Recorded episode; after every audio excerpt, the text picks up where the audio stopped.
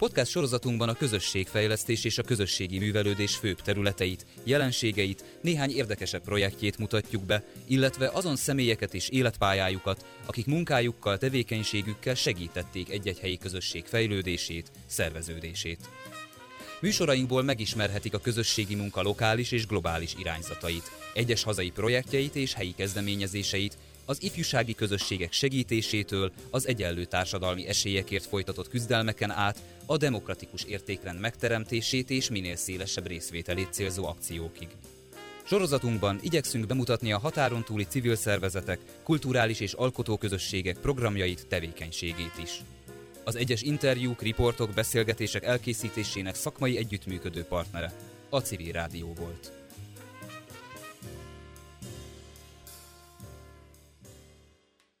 Jó estét kívánunk a Demokrácia Most című műsor mai vendége Sebály Bernadett, Betty. Sziasztok! Kicsit beszéljünk arról, hogy, hogy, hogy mi is ez a közösségszervezés. Betty, te hogy kerültél egyáltalán ennek a hálójába? Én, én kaptam egy lehetőséget, hogy 11 hónapot Amerikában töltsek, és közösségszervezést tanuljak. És ez az egész történet úgy kezdődött, hogy 2011. februárjában elmentem egy háromnapos tréningre Kumbábonyba, amit két amerikai közösségszervező tartott. A Joe Szakos, Joe és, Szakos és Jack Hurt. Igen, mind Akik a ugyanabban az időpontban itt a vendégeink igen, voltak, igen, igen, illetve tehát, hazafelé menet. Igen, ugye? igen, tehát ehhez a programhoz kapcsolódva voltak itt a stúdiónkban Akkor is. remek, akkor lehet, hogy a hallgatók már ismerik is őket. No, és ők tartották ezt a háromnapos tréninget, és, és én akkor már második éve a Város Mindenkinek voltam az aktivistája, hogyan most is vagyok. Ez egy hajléktalanokból és szövetségeseiből álló ö, csoport, aki a lakhatás, akik a lakhatáshoz való jogért küzdenek. És emellett pedig ö, a, egy nemzetközi civil szervezetnél dolgozom, Minority Rights Groupnak hívják, és, ö, és ott vagyok sajtós, ez a hivatalos munkám. Most is, vagy ez akkor? Most, akkor is, és most is. Igen, igen. Na és ezzel a háttérrel kerültem én oda ebbe a, erre a tréningre, érdeklődtem, hogy, hogy mi is az a közösségszervezés. És hát rögtön a, a, az első nap így, így kiderült, hogy hoppá, igazából akkor ezt én gyakorlatilag ezt csinálom két éve. Mert hogy mi is az a közösségszervezés? Um, Ugye a Csek és a, és a Joe ezen a tréningen elég érzékletesen uh, elkülönítette. Már megint két amerikai. Már megint, már megint két amerikai, ezek az amerikaiak. Um, tehát, hogy a közösségszervezés azt hiszem úgy magyarázható el a legjobban, hogyha megpróbáljuk elkülöníteni azoktól a folyamatoktól, azoktól a közösségi intervenciós módszerektől, amik, amik Magyarországon ismertek vagy azoktól a típusú civil tevékenységektől, amik Magyarországon ismertek. És, és hát ugye a közösségszervezés az nem szolgáltatásnyújtás, a közösségszervezés nem érdekérvényesítés, és a közösségszervezés az nem közösségfejlesztés. És hogy számomra akkor nyilvánvaló volt, hogy, hogy jó, hát mi nem hajléktalan szállót nyitunk a hajléktalan embereknek, tehát nem szolgáltatást nyújtunk, nem is ételt osztunk, nem szolgáltatást nyújtunk, nem a jogaikat képviseljük, hogyha őket jogsértés éri, ügyvédként vagy jogászként, tehát nem érdekérvényes érdekképviseletet ö, csinálunk.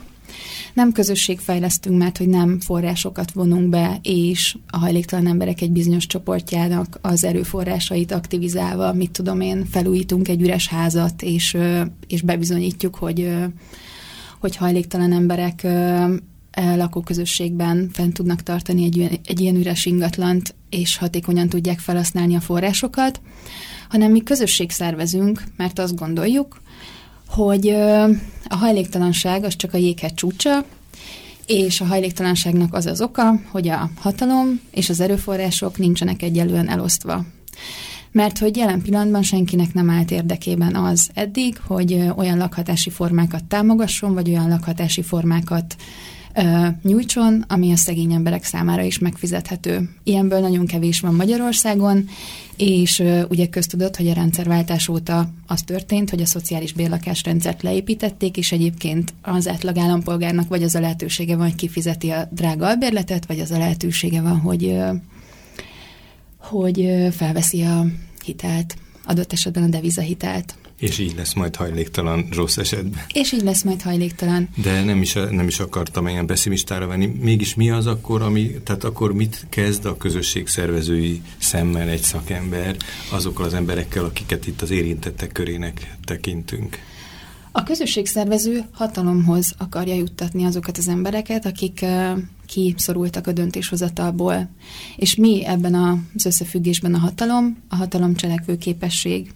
Tehát a közösségszervező feladata gyakorlatilag az, hogy, hogy kirekesztett állampolgárok csoportjainak segítsen a, az önszerveződésben, az érdekérvényesítésben, azért, hogy, hogy azok az erőforrások, amikhez nincsen hozzáférésük, és azokhoz a döntéshozatali folyamatokhoz, amikben nincsen beleszólásuk, beleszólásuk legyen, mert, mert hogy a közösségszervezés azt mondja, hogy a társadalmi igazságosság eredője az nem az, hogy egy közösség nem tudja jól használni az erőforrásait. Igazságtalanság. Igazságtalanságnak az eredője nem az, hogy a közösség nem tudja jól használni az erőforrásait, vagy nincsen elég szolgáltatás, hanem az, hogy nincsen beleszólása a döntéshozatalba, és az, hogy, hogy alapvetően a, az erőforrások a társadalomban nincsnek egyenlően leosztva. Az, hogy nincsen erőforrása, az adódhat legalább két dologból. Az egyik, hogy nem adnak neki, a másik, hogy, hogy ő nem tanulta meg a szocializációja folyamán, hogy hogy tud ehhez hozzáférni most ezt így kérdezem, mondom, hirtelen lehet, hogy nem a legjobb pillanat. Tehát, tehát az egyik oka az, hogy, hogy nem jó az elosztása a hatalomnak, de a másik, hogy, hogy ezt meg kellene tanulni ezeket, a, és, és akkor talán lehet, hogy itt most folytathatjuk, hogy hogy, hogy, hogy, hogy tud hatalomhoz jutni, vagy egyáltalán mit, mit jelenthet az, ebben a vonatkozásban, hogyan tudja használni az erejét, hogy tud, ahogy mondta, cselekvőképessé válni. Uh-huh. Így van.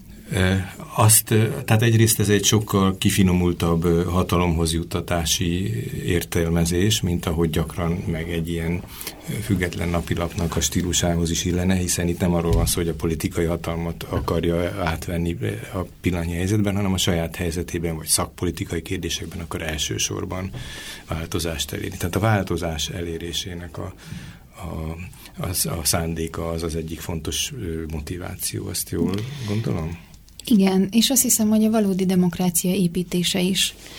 Tehát ugye gyakorlatilag a közösségszervezésben olyan állampolgári szerveződésekről beszélünk, akik, akik meg tudják fogalmazni azt, hogy, hogy mik a közös érdekeik, ezt, ezt követelés formájában el tudják juttatni egy, egy döntéshozó felé, és, és megmerik kérde, kérdőjelezni a, az adott rendszer kereteit a demokratikus ö, eszközök mentén, vagy hát demokratikus úton. Uh-huh. Matyi, te most ö, mély szegénységben élőkkel foglalkozol mindenféle az országban, vagy hát olyanokkal, olyan kollégákkal, akik ővelük közvetlenül foglalkoznak.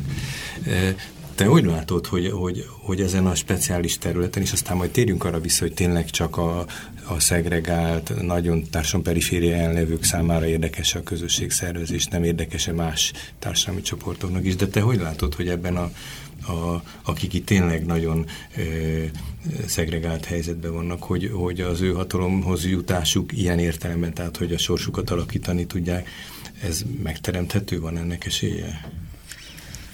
Hát lehet, hogy én egy kicsit maradi vagyok ehhez a radikálisabb módszerhez képest, de talán a magyarországi helyzetet is, ha nézzük, ugye most akkora társadalmi feszültség van a végeken, ahol, ahol a mély szegénységben élők küzdenek a napi problémákkal, tehát hogy olyan előítéletek és feszültségek feszülnek egymásnak a többség és a kisebbség között, hogy én nagyon óvatos lennék ilyen radikális módszerek vagy eszközök bevetésével. Tehát én úgy érzem, hogy most a közösség fejlesztésnek az ilyen türelmesebb módszerei lehet, hogy hatásosabbak.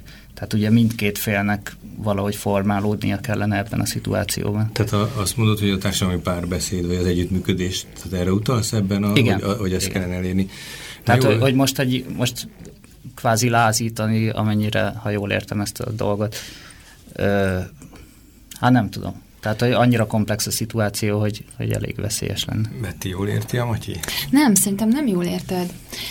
És, és egyébként tök érdekes ezekről a fogalmi különbségekről is beszélni, hogy hogy mit jelent a mi értelmezésünkben az, hogy, hogy hatalom, és ez a hatalom szó, ez egyébként félelmetes-e. Vagy mit jelent az, hogy, hogy egy közösség felvállalja a konfliktust? Ez azt jelenti, hogy lázítunk valakit, vagy azt jelenti, hogy, hogy tovább visszük a párbeszédet, ami egyébként évtizedek óta megreked?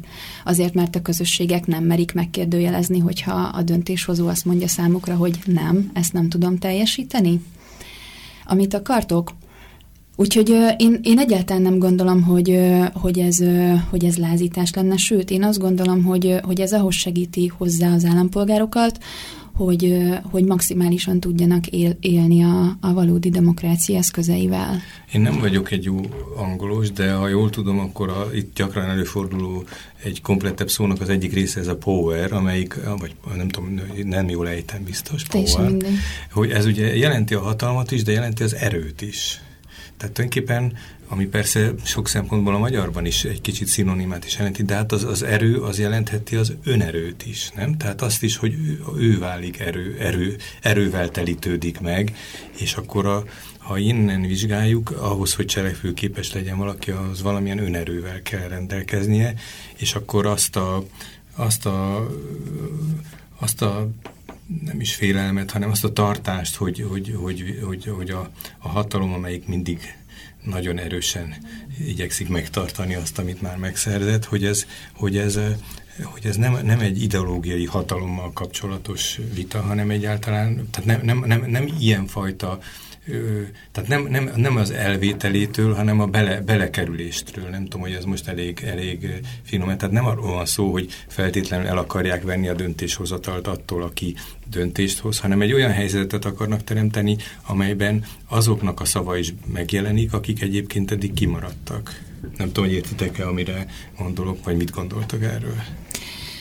Igen, um, igen, azt hiszem, hogy, hogy így, hogy így jól, jól Nem akarom túlszelidíteni se persze ezt a dolgot. Uh-huh.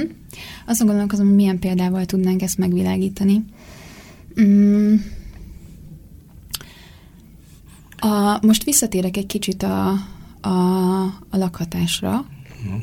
és, és aztán talán, talán fogok hozni egy másik példát is. Um, mert hogy azért szerintem, szerintem ha közösségszervezésről beszélünk, akkor egyrészt meg kell érteni a, az erőforrások elosztottságát is, tehát az, hogy a, hogy a társadalmi egyenlőtlenség oka az az, az hogy, hogy különböző társadalmi osztályok vagy különböző csoportok nem kapnak eleget a közösből.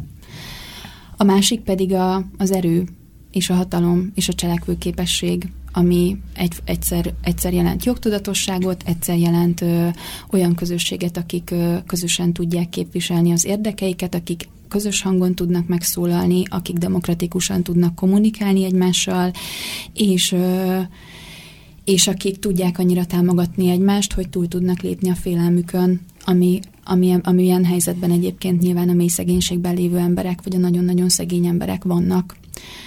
Um, döntéshozóktól való függéstől. Tehát, hogyha most a, például a lakhatási helyzetet nézzük, akkor, akkor, akkor ugye azt látjuk, hogy, a, hogy az elmúlt évtizedekben azoknak az embereknek, akik nincsen elég, akiknek nincsen elég jövedelmük, gyakorlatilag folyamatosan szűkült a, annak a, annak a lehetősége, hogy ők megfizethető, hogy ők megfizethető lakhatásban tudjanak élni, hiszen nincsen olcsó albérlet, a lakhatási támogatás csökken, a szociális bérlakásrendszer leépül, és egyébként hitel lehetőségek vannak. Miért van ez így? Tényleg így kéne ennek lennie? Ugye? Ö, és hogy egyébként pedig voltak lakhatási, tehát voltak támogatott hitelek erre emlékszünk, amikor, amikor gyakorlatilag a középosztálynak a lakhatását lakat, lakhat, középosztály jutott olyan támogatott hitelekhez, amivel lakásokat tudtak maguknak vásárolni, de nem azok az emberek, akik alacsony jövedelemből éltek. És szerintem itt jön be a közösségszervezés, hogy ő nem csak azt kérdőjelezi meg, hogy, hogy ő nem csak azt mondja, hogy hogy, hogy van egy, hogy van egy, van egy szomszédság, ahol, ahol tudom én, rengeteg üres ingatlan van, és fel kéne újítani ezeket az ingatlanokat, és, és mondjuk adott esetben be kéne költöztetni embereket, mert, mert attól milyen, akkor attól csökkenni fog a hajléktalan emberek vagy a lakásszegények száma, hanem a közösségszervezés azt mondja, hogy egy rendszer szintű változást kell elérni, azért, mert azokat az embereket, akiknek nincsen elég pénzük, nem juttatják lehetőséghez, nem juttatják erőforráshoz. Azokat a lakhatási formákat, amik a szegény embereknek segítenének, azokat nem támogatja az állam az adófizetők pénzéből. De ezt ők fogják elérni? Tehát a rászorultak, a hajléktalanok? És azt hiszem, és nem csak a hajléktalanok, hanem a, hanem a devizahitelesek és a, és a lakásszegények és a, a, a mi a nem megfelelő lakáshelyzetben élő emberekről is szó van, azt hiszem, tehát nem kell kiélezni a hajléktalanokra, vagy akár a fiatalokról is, akik nem örökölnek meg egy, egy lakást, és ezért nagyon nehezen tudják meg, meg nagyon nehezen tudnak biztos lakhatást igen. teremteni maguknak. És igen, tehát azt hiszem, hogy pont azok a csoportok fogják ezt kiharcolni és megteremteni maguknak, akikről szó van, hiszen a hatalom, ha most a hatalmat a döntéshozók ha most a hatalmat a döntéshozókkal teszem egyelővé, akkor pont a hatalom nem képviselte ezeknek a csoportnak, csoportoknak az érdekeit, tehát nincs más választásuk ezeknek a csoportoknak, csak az, hogy kézbe vegyék a saját életüket, kézbe vegyék a saját helyzetüket, és, és elkezdjék számon kérni a döntéshozókat azon, hogy ők miért nem miért nem képviselik a, a, az, annak, ezeknek a csoportoknak az érdekeit is.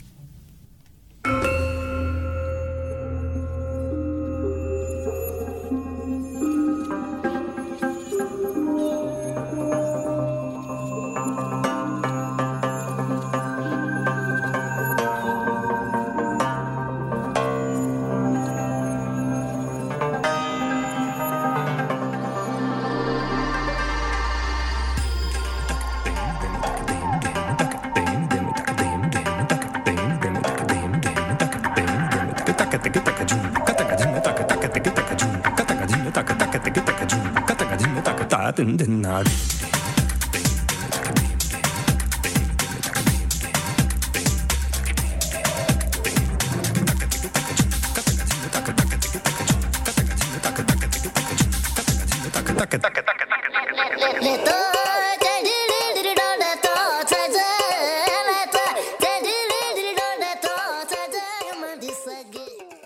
Civil Rádió az FM 98-on a Demokrácia Most című műsorban. Talán a műsor elején nem is mondtuk, hogy a házigazdák Sain Mátyás és Péter Ferenc vagyunk.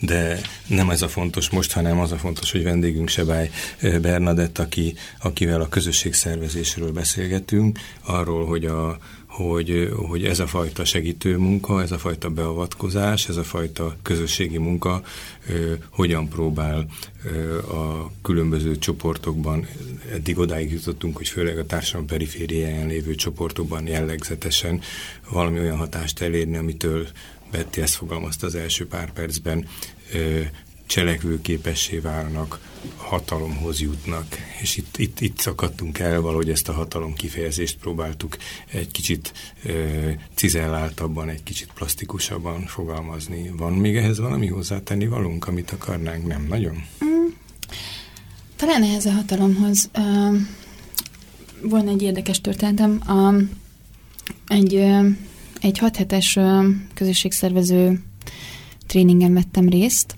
ez már kint? Ez, ez, kint, ez már kint történt Chicagóban, igen, ahol más közép-kelet-európai fiatalok, civil szervezeti szakemberek, aktivisták is voltak, többek között Magyarországról is. És ott csináltunk egy érdekes gyakorlatot, amikor a, a közösségszervező megkért minket, hogy, hogy álljunk fel egy tízes skálán, és a kérdés az az volt, hogy mi mennyi hatalmat szeretnénk magunknak és akkor ott hát voltak, akik a skála egyik végén voltak, akik a közepén voltak, akik a skála másik végén helyezkedtek el. De miben? És vagy, akkor nagyon... Vagy... Miben? Ezt, ezt te döntethed, dönthetted el saját magad, a szervezetednek, saját magadnak. Vagy a milyen helyzetemben? A családomban, a munkahelyemen, a civil közösségi, vagy az állampolgári szerepemben? Vagy, vagy ez szóval nagyon evidens? Mert most így hirtelen én úgy gondolom, hogy hogy az ember sokféle hatalmi helyzettel veszi körül magát, van, ahol passzívabb, van, ahol radikális, vagy van, ahol offenzívabb, akkor inkább így fogalmazok. A kérdés így szólt, te, mint aktivista, Aha. mennyi hatalmat akarsz magadnak? Hát ezt nem, nem mondták meg, hogy miben ezt találja ki. Ti hanyasra állnátok? Hát... Vagy, vagy három. Egytől ötig? Mm, nem, egytől ja. tízig. És három? Jó, És lehet, hogy kicsit önironikus is voltam, de nem vagyok egy ilyen hatalom koncentráló típus. Hát én, én nekem ez az első reflexióm, hogy miben, mert hogy van, miben? Uh-huh. hogy van olyan helyzet, ahol én én nekem a kettő-három is elég, tehát, hogy résztvevő, hozzájáruló legyek, arra gondolnék. Persze, és van olyan... az esti fürdetésre gondolok a fiammal szemben, akkor tíz. Tizenkettő. Szem a fiaddal együtt. Aha. Igen, tehát van olyan helyzet, ahol, ahol, ahol ennél följebb. Lehet, hogy átlagban én, én inkább a felénél följebb képzelném Aha. el a magam életét, mert hogy valami, ha a hatalom a cselekvő képesség, akkor még bátrabban az ember elkezdi fölfele nyomni ezt a, ezt a számot. Aha. Na, ez nagyon érdekes beszélgetés alakult ki, mint ahogy akár most is belemehetnénk egy valószínűleg nagyon érdekes beszélgetésbe. Ott is egy nagyon érdekes beszélgetés alakult ki ebben a témában, mert hogy ugye voltak, akik azt mondták, hogy ők azért nem akarnak hatalmat, mert félnek, mert úgy érzik, hogy nincs elég tehetségük, vagy azért, mert a hatalom korrupt, vagy mert hogyha nekik hatalmuk lenne, akkor ők is korruptá válnának. Akik hatalmat akartak, azok azt mondták, hogy ők, hogy ők azt gondolják, hogy a hatalom cselekvőképesség, hogy hogyha több hatalmad van, akkor több dolgot tehetsz meg, hogy a hatalom alapvetően nem rossz és nem is jó, hanem a hatalom attól válik rosszá vagy jóvá, ahogyan te használod. És a közösségszervezésben ez a hatalomfogalom, ez, ez, ez, ez nagyon fontos, hiszen már mi is erről beszélünk már majdnem fél órája, és, és a definíció szerint azt ezt jelenti, hogy cselekvőképesség és, és ezt, hogy a hatalom az alapvetően nem jó vagy rossz, hanem a hatalmat, a hatalommal élni kell, vagy élni lehet, inkább ezt mondanám. Hm. És, és azt hiszem, hogy ez nem egy, nem egy túl radikális elképzelés. Tehát nem hiszem, hogy egy túl radikális elképzelés az, hogyha, hogyha állampolgárokat kirekesztett helyzetben lévő állampolgárokat, akik, akik társadalmi helyzetekben az elnyomottságot tapasztalják meg, tehát akik társadalmi, társadalmi helyzetekben alapvetően, hát van erre egy rettentő jó szó angolul, nem tudom, mi lehetne a jó szó magyarul, nem érzik azt, hogy, hogy képesek lennének megkérdőjelezni azt a rendszert, uh-huh. ami, ami körbeveszi őket, ez a disempowered kifejezés angolul. Ö, hogy olyan emberek, akik alapvetően ilyen helyzetben vannak, és akiket a, a társadalom arra trenírozott, gyakorlatilag évtizedeken keresztül, hogy ne ismerjék megkérdőjelezni ezt, azt hiszem, hogy ez, ez éppen a demokrácia kiteljesedése, és a közösségszervezés az éppen, a, ahogyan egyébként Alinszki is mondta, hogy, hogy a közösségszervezés az gyakorlatilag minden ideológiától mentesen a, a demokrácia csillaga, azért, mert arra tanítja meg az állampolgárokat, hogy közösen összefogva hogyan képviseljék a saját érdekeiket erőteljesen, hangzatosan és nyomatékosan a döntéshozók felé, akiket ők választottak meg, vagy akiket ők nem választottak meg. Tehát most egy nevet említettél, egy Alinsky, egy Szól Alinsky nevű embert, akire ez a bizonyos független napilap is mint egy ilyen véres rongy hivatkozott. Egy másik amerikait egy pár percre most hallgassunk.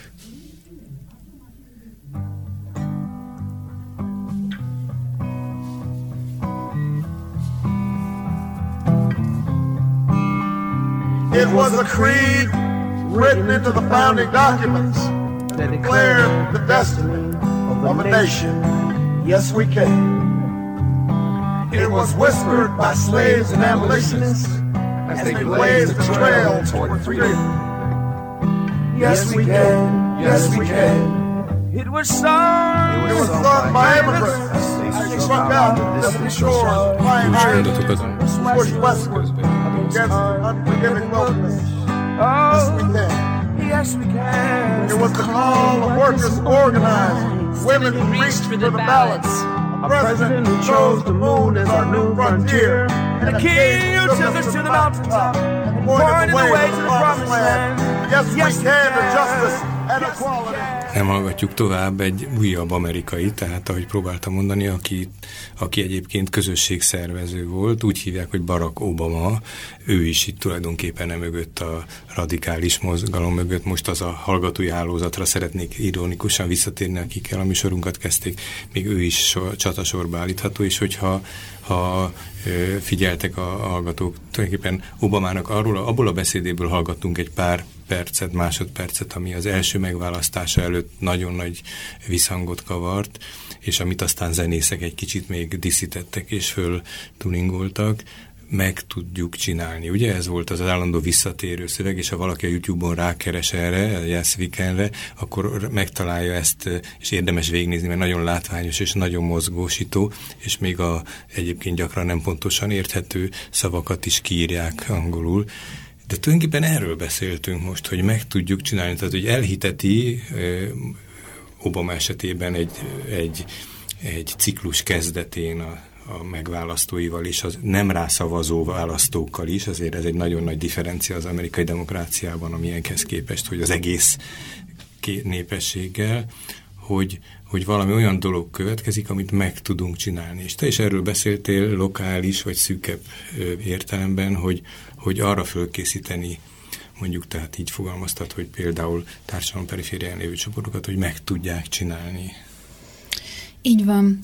És azt hiszem, hogy ennek ugyanúgy ö, része a, a kompromisszumkeresés is, e, hiszen hogyha hiszen, hogyha, hogyha egy, egy problémára keresünk megoldást, akkor természetesen, és egyébként erre vannak javaslataink, hogy ezt hogyan lehet megoldani, akkor természetesen ez a folyamat úgy zajlik, hogy, hogy a közösség egy-két tagja, vagy tíz tagja, vagy egy delegációja a, a saját elképzeléseivel oda vonul a polgármestere, vagy vagy teljesen mindegy, hogy melyik döntéshozója elé, és elmondja a javaslatait. És a konfliktus, a konfrontáció az már csak ott kezdődik, hogyha ezeket a javaslatokat nem akarják számításba venni. És, hát sőt, én egy előbbi változatot is mondanék, bár ebben a te általad fogalmazottban benne van, ha nem akarnak vele tárgyalni. Ha nem akarnak tehát, vele. a tárgyalási helyzet elérése a, a, az akciónak a célja nagyon gyakran, hogy, hogy beszéljenek velem. És utána, amikor a beszédhelyzet megteremtődött, mondtad ezt, hogy kompromisszumot is tud, akkor, akkor tulajdonképpen egy szelíd változat, vagy szelíddéva alakul ez az együttműködési szándék, csak a kirekesztettség, a, a döntésből, vagy a, vagy a beleszólásból való kirekesztettség teszi ezt a, ezt a túlzott, túlzott, ezt idézélve mondom, ezt a különösen nagy erőráfordítást, hogy, hogy meghallgassanak, hogy belekerüljünk a, a döntés előkészítésébe, vagy a döntéshozatalba. Nem feltétlenül sajnos, mert ezért attól, mert leülhetsz a tárgyalóasztalhoz, attól még nem biztos, hogy számításba is fogják venni azt, igen, amit igen. mondasz. Nem is beszélve arról, hogy, hogy garanciákra is szükség van ahhoz, hogy, hogy amit, amit te kérsz, vagy képviselsz, vagy képviselsz, vagy, vagy javaslatként, szakpolitikai javaslatként megfogalmazol, az, az érvényre is, azt juttassa is érvényre a, a döntéshozó egy rendelet, vagy egy, vagy egy törvény formájában. De egy, vegyünk, egy, vegyünk egy magyarországi példát, hogy, hogy kicsit közelebb hozzuk a magyar valósághoz ezt az egészet. Nem is olyan rég jártunk egy kollégámmal egy, egy borsodi faluban, ahol, ahol a közösség a, egy roma kisebbségi képviselővel beszélgettünk arról, hogy milyen problémák vannak a faluban. És, és hogy az egyik, az egyik példa volt a, a közmunka, a közmunka nem rotációja, tehát hogy nagyon sok ember, több mint száz ember szorul ki a közmunkából, és a polgármester ugyanazt a 10-15 embert alkalmazza éveken keresztül. Újra és újra. Újra és újra. És ezen kívül megjelent természetesen a tűzifa, mint, mint probléma a, az, hogy a kisebbségi önkormányzat ki van rekesztve a döntéshozatalból, és a, a bírságolás, tehát ilyen teljesen klasszikus uh, kistelepülési uh, kistelepülésen élő romák problémái. És arról kezdtünk el vele beszélgetni, hogy, hogy, akkor, hogy akkor, tehát ő mondta, hogy ő szeretne összehívni egy, egy falugyűlést, amin ott lesz a polgármester, és szeretné a polgármester arcába vágni ezeket a problémákat. És akkor mondtuk, hogy, hogy talán nem ezzel kéne kezdeni, hanem először inkább meg kéne fogalmazni javaslatokat, először inkább egyáltalán a közösségnek meg kéne, el kéne döntenie, hogy mely, melyek, azok a, melyek azok az ügyek, melyek azok a problémák, amelyek számukra a legfontosabbak, és hogy először azért, hogy a közösség egy, egy egységes arculatot tudjon mutatni a polgármester felé, először inkább kiskörben, vagy hát állampolgári szinten kéne dőlőre jutni. És ez így is történt. A, megtör, megszerveztük ezt a, vagy megszervezte ő ezt a, ezt a falugyűlést, amin nem volt ott a polgármester, hanem ott voltunk mondjuk kb. 20 Felkészültünk együtt a közösségi vezetővel a találkozóra, kitaláltuk a tematikáját, kitaláltuk, hogy miről, miről lehetne beszélgetni, és, és hát természetesen elő is jött ez a közmunkarotáció, előjött az, hogy több mint száz ember kiszorul a közmunkából, és tök jó javaslatok születtek arra, hogy, hogy hogyan lehetne priorizálni, hogyan lehetne, milyen szempontok alapján lehetne sorrendbe állítani azokat az embereket, akik kiszorultak, tehát milyen, milyen szempontok alapján lehetne rotálni Feltételezhetjük, tehát, hogy itt megegyezés született az érintettek között, hogy mit tartanak optimálisnak, és hogy ezek között az érintettek között olyanok is voltak, akik ezzel bekerülhetnek, és olyanok is, akik esetleg, ezt kérdezem, hogy voltak olyanok is, akik egyébként a rotáció kedvezményezettjei? A, nem, szerintem nem voltak olyanok, uh-huh. akik nem voltak olyanok, akik, akik abban a 10-15 emberben vannak, uh-huh. olyanok voltak, akik kiszorulnak, uh-huh. igen. És, és most itt tartunk egyébként ebben a folyamatban, hogy hogy, a, hogy a közö, az a cél, hogy a közösség megfogalmazza a saját javaslatait a közmunkarotációval kapcsolatban, és, és azt úgy, és azt írott formában a polgármester elé tárja.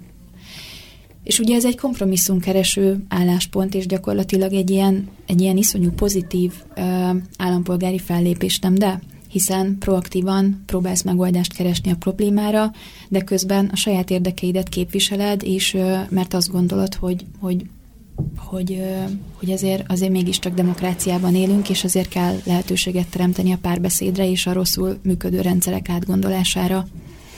És aztán majd meglátjuk, hogy erre a polgármester hogy fog reagálni. És természetesen a közösségszervezésnek is az a lényege, ahogyan, ahogyan minden, minden állampolgári, vagy hát ilyen, ilyen célirányos állampolgári fellépésnek, hogy, hogy nem, ha azt mondja neked, hogy bocs, nem, akkor nem mondod azt, hogy oké, okay, jó, és hazakullogok, hanem akkor próbálsz új taktikákat és új taktikákat kitalálni, hogy, hogy a polgármestert olyan helyzetbe hozd, hogy ő kénytelen legyen azt mondani, hogy oké, okay, igazából nem is olyan nagy hülyeség, amit te javasolsz nekünk. Na hát ez nagyon izgalmas. Matyi, a ti praxisotokban, hát kérdezem, hogy, hogy találsz-e ilyen történeteket, tehát aki az első fordulóját a beszélgetésünknél nem hallotta, arról beszéltünk, hogy, hogy 29 kistérségében az országnak foglalkoznak Matyék egy program keretében olyanokkal, akik, akik mély szegénységben élnek, és hát nagyon különböző programok vannak, amennyire tudom. Tehát, tehát ez a, merül ez föl ebben a, ebben a programban, ez, a, ez Magyarország egy másik nézetből, hogy például ilyen közpolitikai vagy a közjóra irányuló ügyben közösségi föllépéseket szerveznének a programgazdák. Találkoztok-e ilyennel? Én azt hiszem, hogy nem. Pont azért, mert annyira érzékeny ez a helyzet, hogy, hogy szerintem nem, senki nem jutott még el idáig. Tehát valószínűleg elindultak ilyen folyamatok, de még mindenki a nagy, nagyon az elején tart. Tehát most ott tartanak, hogy a közösség, közösséget egyáltalán öntudatra ébreszteni, hogy egy kicsit egyáltalán valami közösséggé válás beinduljon, uh-huh. hogy beszéljenek egymással. Mert ugye az igazán nagy nyomorban nem is nagyon lehet közösségről se beszélni, mert tényleg mindenki annyira szerencsétlen helyzetben van, hogy, hogy még az alapvető közösségi nem tudom, kommunikációs dolgok sem működnek. Tehát... Hát igen, de vannak napi érdekeik, napi fosztottságaik, hogy a hidegben fá, fa nélkül vannak, vagy most ez a példa, amit mondtál, hogy a fához hogy lehetne, hogy hozzájussanak. Nyilván ez egy téli példa, és nem a nyár közepén való és, a, és arra gondol az ember, nem, most nem akarom belőle kierőszakolni, csak így hangosan gondolkodom, hogy, hogy tulajdonképpen egy, egy, egy ilyen helyzet az, az egy felgyorsított ürügy lehet, egy érdeksérelem, vagy egy új gondolat megjelenése, hogy összejöjjenek az emberek, ne csak azért, hogy általában a közösségi étosz az úgy fontos, úgyhogy összetartsunk, hanem van egy konkrét ügyünk. Egy példát, példát eszembe már talán itt a adásban valamelyikben emlék, vagy idéztem is, egy, az életis irodalomban volt egy, egy holland vallásszociológussal egy interjú, és nagyon érdekes, hogy milyen reflexekről beszél, egy más kultúrának a reflexeiről, azt mondta, hogy Hát példaként akarta a magyar és a holland viszonyokra említeni a magáit, és azt a példát mondta, hogy ha Hollandiában eszébe, eszedbe jut, hogy valamilyen problémád van, és azt hiszem azt a példát mondta, hogy az autópálya közelébe laksz, és hogy nagy a zaj, akkor a holland általában, ez így persze egy ilyen kicsit előítéletes általánosítás, de, de az a tipikus, hogy ez a holland ember nem elmegy az önkormányzatra és kiharcolja ezt, hanem előbb körbejárja a környéket, hogy kiknek hasonló a problémája. Kikkel lehetne összefogni, és közösen valamilyen módon ezt az érdeket megfogalmazni. Tehát, hát tehát... körülbelül ebben a fázisban tartanak Aha. szerintem a mi projektjeink, uh-huh. vagy az azokon dolgozó szakemberek, hogy most próbálják rábírni az embereket, hogy beszélgessünk róla, nézzük meg, hogy ez nem csak az én problémám, hanem ez sok ember problémája, mit tudunk tenni. Még az is hozzátartozik, hogy nálunk csak olyan településen indulhatott el a projekt, ahol a polgármester aláírásával is hitelesítette, hogy ő ehhez hozzájárul, és ő befogadja ezt a projektet. Mondjuk ettől függetlenül persze vannak konfliktusok. Vannak konfliktusok nyilván. Uh-huh. És ugye egy kis településen olyan hihetetlen függőségi rendszer van, tehát tényleg a, most már egyre könnyebb a segélyt megtagadni mindenféle indokokra hivatkozva. Tehát ez egy olyan hihetetlen és vérre vagy életre menő uh-huh. függőségi rendszer, hogy itt azért szerintem mindenki nagyon óvatosan bánik ezzel.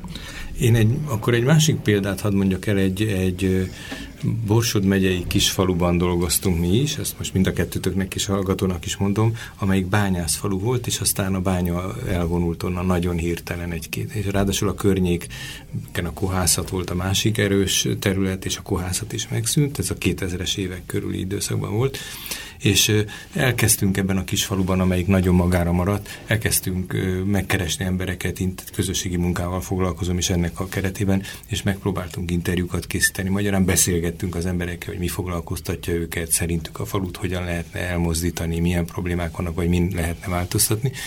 És az egyéni beszélgetések után elkezdtünk közösen ilyen nyilvános találkozókat szervezni. És az az érdekes dolog volt, és ezt a, ezt a momentumot szeretném, ezt az erővel való felruházottságot e, illusztrálni, a, ez az én példámmal, hogy hogy figyeltem az öreg Sanyi bácsit, aki egy nyugdíjas vájár volt, akit már az is, az is furcsán tekintett arra is, hogy, hogy a faluban érkeznek, faluba érkeznek kül, kívülről emberek, és őt megkérdezik, hogy mi a véleménye a faluról. Nem volt az ő praxisában. Köztünk szóval valószínű a hallgatók nagy részének és a mi praxisunkban is ritkán van, hogy a lakóhelyünkön megkérdezik, hogy mi a véleményünk a saját településünkről, pedig megtehetnék. Tehát már ez egy furcsa helyzet volt számára, de jól válaszolt. Majd utána elhívtuk egy összejövetelre, és azokkal együtt hívtuk el, akiket szintén megkerestünk, és ott elkezdtük elmondani, hogy miket hallottunk tőlük. És ez is egy, egy kicsit ilyen megbátorító volt, úgy vettem észre, és mikor elkezdtek beszélni, hát ugye azt megbeszéltük az elején, én nagyon szimpla példát mondok, elnézést kérek érte, hogy például egymást megvárjuk, nem beszélünk egyszerre, ha valaki mond valamit, nem hurogjuk le, tehát egy minimális normarendszert együtt a ez az, ez az együtt lévő társaság kitalált, és akkor, amikor hát elkezdtek mondani, azt fölírtuk a falra. Hát több se kellett, Molnár Arank, a kolléganőnk, egy nagy tacepaura, amit Sanyi bácsi mondott, az fölkerült a falra. Egy kicsit fölnagyítva látványosan, mintha az örökké valóságnak megörökítettük volna, amit ő mondott. Vége a történetnek itt, egyébként a valóságban nincs vége a történetnek, csak hogy érzékelhető le, legyen, hogy valaki, aki egy olyan helyzetbe került, hogy, hogy, hogy számít az ő véleménye. Azt, azt élhette meg azt a helyzetet, és a többiek abban az együttlétben, ahol csak 12-15 ember volt egyébként, amit én 1000-1200 fős faluban, tehát ez nem volt egy reprezentatív összfalusi népgyűlés, de az a 10-12 ember megerősítette, hogy ő neki joga van ilyen dolgokat mondani, sőt, ezeket még pozitívan még reagálta, és hogy ezek érdekes dolgok, ezek fontos dolgok szerintük, és is volt, amit vitattak adott esetben. Tehát egy nagyon egyszerű folyamatról beszélünk, miközben itt látszólag teoretikus a beszélgetésünk, hogy ez ilyen egyszerűen létrejöhet, ez a, ez a, ez a erővel vagy hatalommal való felruházottság. Tehát Sanyi bácsit hatalommal ruháztuk föl nem arról, hogy az egyik politikai rendszert a másikra cserélje ki, hanem hogy a saját életébe beleszóljon. De ez alapvetően egy közösségfejlesztő folyamatba is teljesen beleillek, vagy ez az? Mi ennek, mi ennek gondoltuk, igen, de hát most a terminológia, azt majd mi valahol a sarokba az adás után vitathatjuk meg egyébként a különböző termekben. A, a valóságban nem biztos, hogy ezek ilyen, uh-huh. ilyen hermetikusan elkülöníthető dolgok, hiszen, hiszen egy közösségfejlesztési folyamat tele van olyan lépésekkel, amelyek amelyek pont ezeket a öntudatosodásokat szolgálják. Abszolút. Én is azt gondolom, hogy mind a közösségszervezés, mind a közösségfejlesztés nek része az, hogy, hogy beszélgessünk egymással, és része a képessététel, és része az, hogy, hogy a, a közösségi intervenciós szakember az, az ugye belépjen a csoportba, felmérje a, az emberek igényeit, felmérje az emberek problémáit, felmérje, Az intervenciót hogy... azt mondjuk fordíthatjuk beavatkozásnak. Beavatkozási, jó? bocsánat. Mert csak azért, nem azért csak, mert, mert esetleg az intervenciót erőteljesebb dolognak gondolnánk, bár hát ez se biztos, lehet, hogy csak én nekem van ilyen konnotációja. Közösségi beavatkozást végző szakember, ugye természetesen azt csinálja mind a közösségfejlesztés, mind a közösség szervezés terén, hogy végigjárja a közösség tagjait, és és próbálja megtudni, hogy mik az ő problémáik, mik az ő közös, mik az ő közös ügyeik, mi az ő önérdekük, ami mentén, uh, ami mentén összefo- ami mentén érdekük lenne, érdekükben állna majd összefogni, uh, érdekükben állna közösen cselekedni. Szerintem a két dolog ott válik el, hogy sok helyen elválik, de az egyik az, ahol elválik, hogy a beszélgetés miről folyik, illetve milyen témák jönnek be a beszélgetésbe. Például, amit említettél, Matyi, hogy, hogy az önkormányzat visszatartja a segélyeket, vagy egyáltalán nem lehet megélni abból a minimális pénzből. Akkor elkezdünk-e beszélni a társadalmi igazságtalanság okairól, elkezdünk-e beszélgetni a strukturális szegénységről, vagy az a válaszunk, hogy új forrásokat hozunk be a közösségbe. Mind a kettő lehet. Szerintem az egyik egyrészt nem zárja ki a másikat, másrészt adott esetben olyan szituációt is el tudok képzelni, ahol kiegészíti egymást. Viszont Viszont, viszont ezért ez egy lényeges különbség, hogy egyébként elkezdünk arról beszélni, hogy, hogy miért kapnak Magyarországon 22.800 forintot emberek, és miért kéne nekik abból megélni. Tehát, hogy, hogy ezek ilyen nagyon-nagyon uh-huh. fontos nagyon-nagyon fontos képességtevő, hatalomébresztő, jogtudatosságébresztő beszélgetések is, amikor azt mondja a, az állampolgár, hogy a polgármester visszatartotta a rendszer szociális segélyt, akkor azt mondjuk, hogy hát ez borzasztó, vagy azt mondjuk, hogy ez igazságtalan, vagy azt mondjuk, hogy ez jogszerűtlen, és hogy itt a jogszabály, és te ez alapján, ha akarnád, meg tudnád egyébként kérdőjelezni. Sok mindenről beszéltünk, és közben az idő nagy része elszaladt.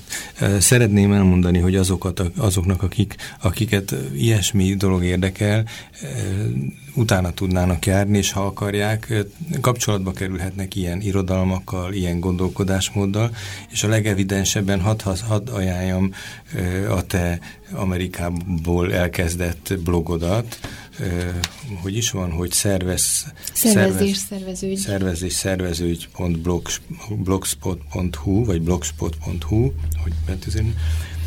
Ebben, ebben egy kicsit te az ottani élményeidről, vagy az élményeid hatására keletkezett gondolatokról írsz, ha jól vettem Hát ki. egészen konkrétan a jó gyakorlatokról. Uh-huh.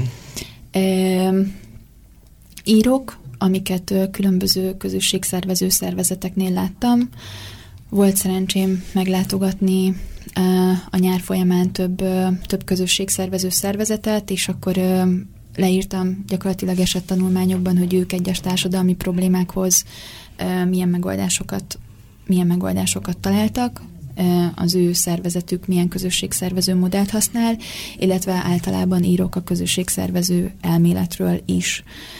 És uh, akkor hagyj ragadjam meg az alkalmat, hogy reklámozzam egy kicsit a közösségszervező műhelyt. Igen. Ez egy, ez egy, ez gyakorlatilag egy, egy szakmai műhely, amit másfél éve kezdtünk el. A Varga Máté indította be, és, és azóta többen együtt csináljuk. Másfél éve kezdődött, a havonta egyszer tartjuk, ahol, ahol közösségszervezésről beszélünk, Gyakorlati példákat? Gyakorlati példákat vitatunk meg közösen is, próbálunk rá szakmai válaszokat találni, illetve képezzük magunkat interaktív gyakorlatok és előadások és tudásmegosztás keretében. Ez egy nyitott mozgalom, vagy egy nyitott ez egy, ez egy nyitott műhely, és ezért szeretnék bátorítani mindenkit, akit érdekel, hogy jöjjön is csatlakozzon, és nézze meg a közösségszervezés.wordpress.com, ha jól emlékszem. Ez De itt is, a... ha beírják a Google-ba, hogy közösségszervezés, akkor kidob egy pár dolgot, és hamar rá lehet találni a második vagy a harmadik találatra biztosan erre a, erre a blogra, ugye? Mert ez Igen, blog, ez is egy blog, és akkor amiben WordPress-ban van, akkor az ez a blog lenne. Úgyhogy, úgyhogy az nagyon jó lenne, hogyha minél többen jönnének, akár csak érdeklődés szintjén is, és, és közösen tudnánk gondolkozni Még ennek a... mondja valamit, nyilván ez a mi helyzetünkön most nem változtat, csak hogy értsük meg, hogy, hogy Amerikában a, erre azért rálátásod lett, hogy, hogy tehát azért ez egy olyan tevékenység, ami komoly források kellenek, hogy ez, ez zajlódhasson, akár szakemberek működtetésére, fenntartására, programok indítására, hogy, hogy mit láttál, van egy valami tipikus ö, finanszírozási módja ennek, vagy több lábon áll, hogy működik ez az Egyesült Államokban? Hogy még az amerikai elnök is közösségszervező lehetett, meg a már emlegetett Szólalinszki is, tehát hogy tudósok és egy praktizáló politikus, hogy két példát mondjunk. Amerikában ez már abszolút nagy üzemben zajlik, tehát több ezer civil szervezet használja ezt a módszert, illetve dolgozik közösségszervezőkkel. A Virginia Organizing a, ahol, akinél én voltam, aki biztosította számomra ezt a szakmai gyakorlati lehetőséget. Ők ö, gyakorlatilag Virginia államot fedik le, 12 településen vannak jelen hét közösségszervezővel, és, és így próbálnak egyrészt, egyrészt települési szintű problémákra, közösséget érintő települési, települési szintű problémákra, illetve ö, állami szintű problémákra is ö, összefogással ö, választ keresni, illetve azt a ö, döntéshozók asztalára tenni. És és, és, ezt, és ezt magánalapítványok finanszírozzák, tehát természetesen állami forrást nem fogadnak el, hiszen éppen a, az állami De azt én rosszul tudom, hogy egyébként meg. Amerikában ez is még gyakorlat, hogy időnként, hogy az állam is tart fent ilyen, ilyen programokat, tehát én valamilyen olvasmányélményemből, de ebben bizonytalan vagyok, és lehet, tehát te hitelesebb vagy, hogy, hogy, mert az az igazi, hogyha az állam a saját maga kontrolljára is, tehát van olyan bátor, van olyan erős, hogy azt mondja, hogy én megteremtem azt is, hogy az én tükrömet folyamatosan fenntartsák, vagy ez semmilyen politikai erő nem, nem fogadja el, vagy... Hát ez igazán szuper lenne, az ilyen demokrácia, szerintem. Én nem hallottam ilyen szervezetről, de lehet, hogy van, és el tudom képzelni, hogy olyan szervezet, amelyik inkább a közösségfejlesztő uh-huh. profilt részesíti előnyben, tehát aki inkább a közösség dinamizálásával szolgáltatásokat visz, és, és új életet hoz, vagy fellendíti a közösség életszínvonalát. Én inkább azokat tudom uh-huh. elképzelni állami támogatásúnak inkább, inkább magánpénzekből, illetve hát ami Amerikában nagyon, nagyon jelentős, vagy hát ilyen gyakorlatilag ilyen teljesen elfogadott, hogy, hogy tagsági díjat fizetnek a, a szervezetek, vagy a, a szervezetek tagjai, vagy nagyobb adományokat tesznek a szervezetek tagjai, vagy, vagy magánszemélyek magánszemélyek személyek növelik a szervezet költségvetését, és ez a tagsági díj, ez, ez ott ez ott teljesen elfogadott, és, és a, a kifejezetten kirekesztett helyzetben lévő, vagy szegény, szegényebb emberek, embereket mobilizáló közösségszervezők is azt mondják, hogy, hogy mindenkitől kell gyűjteni, gyűjteni tagdíjat, hogyha csak egy kicsit, akkor egy kicsit.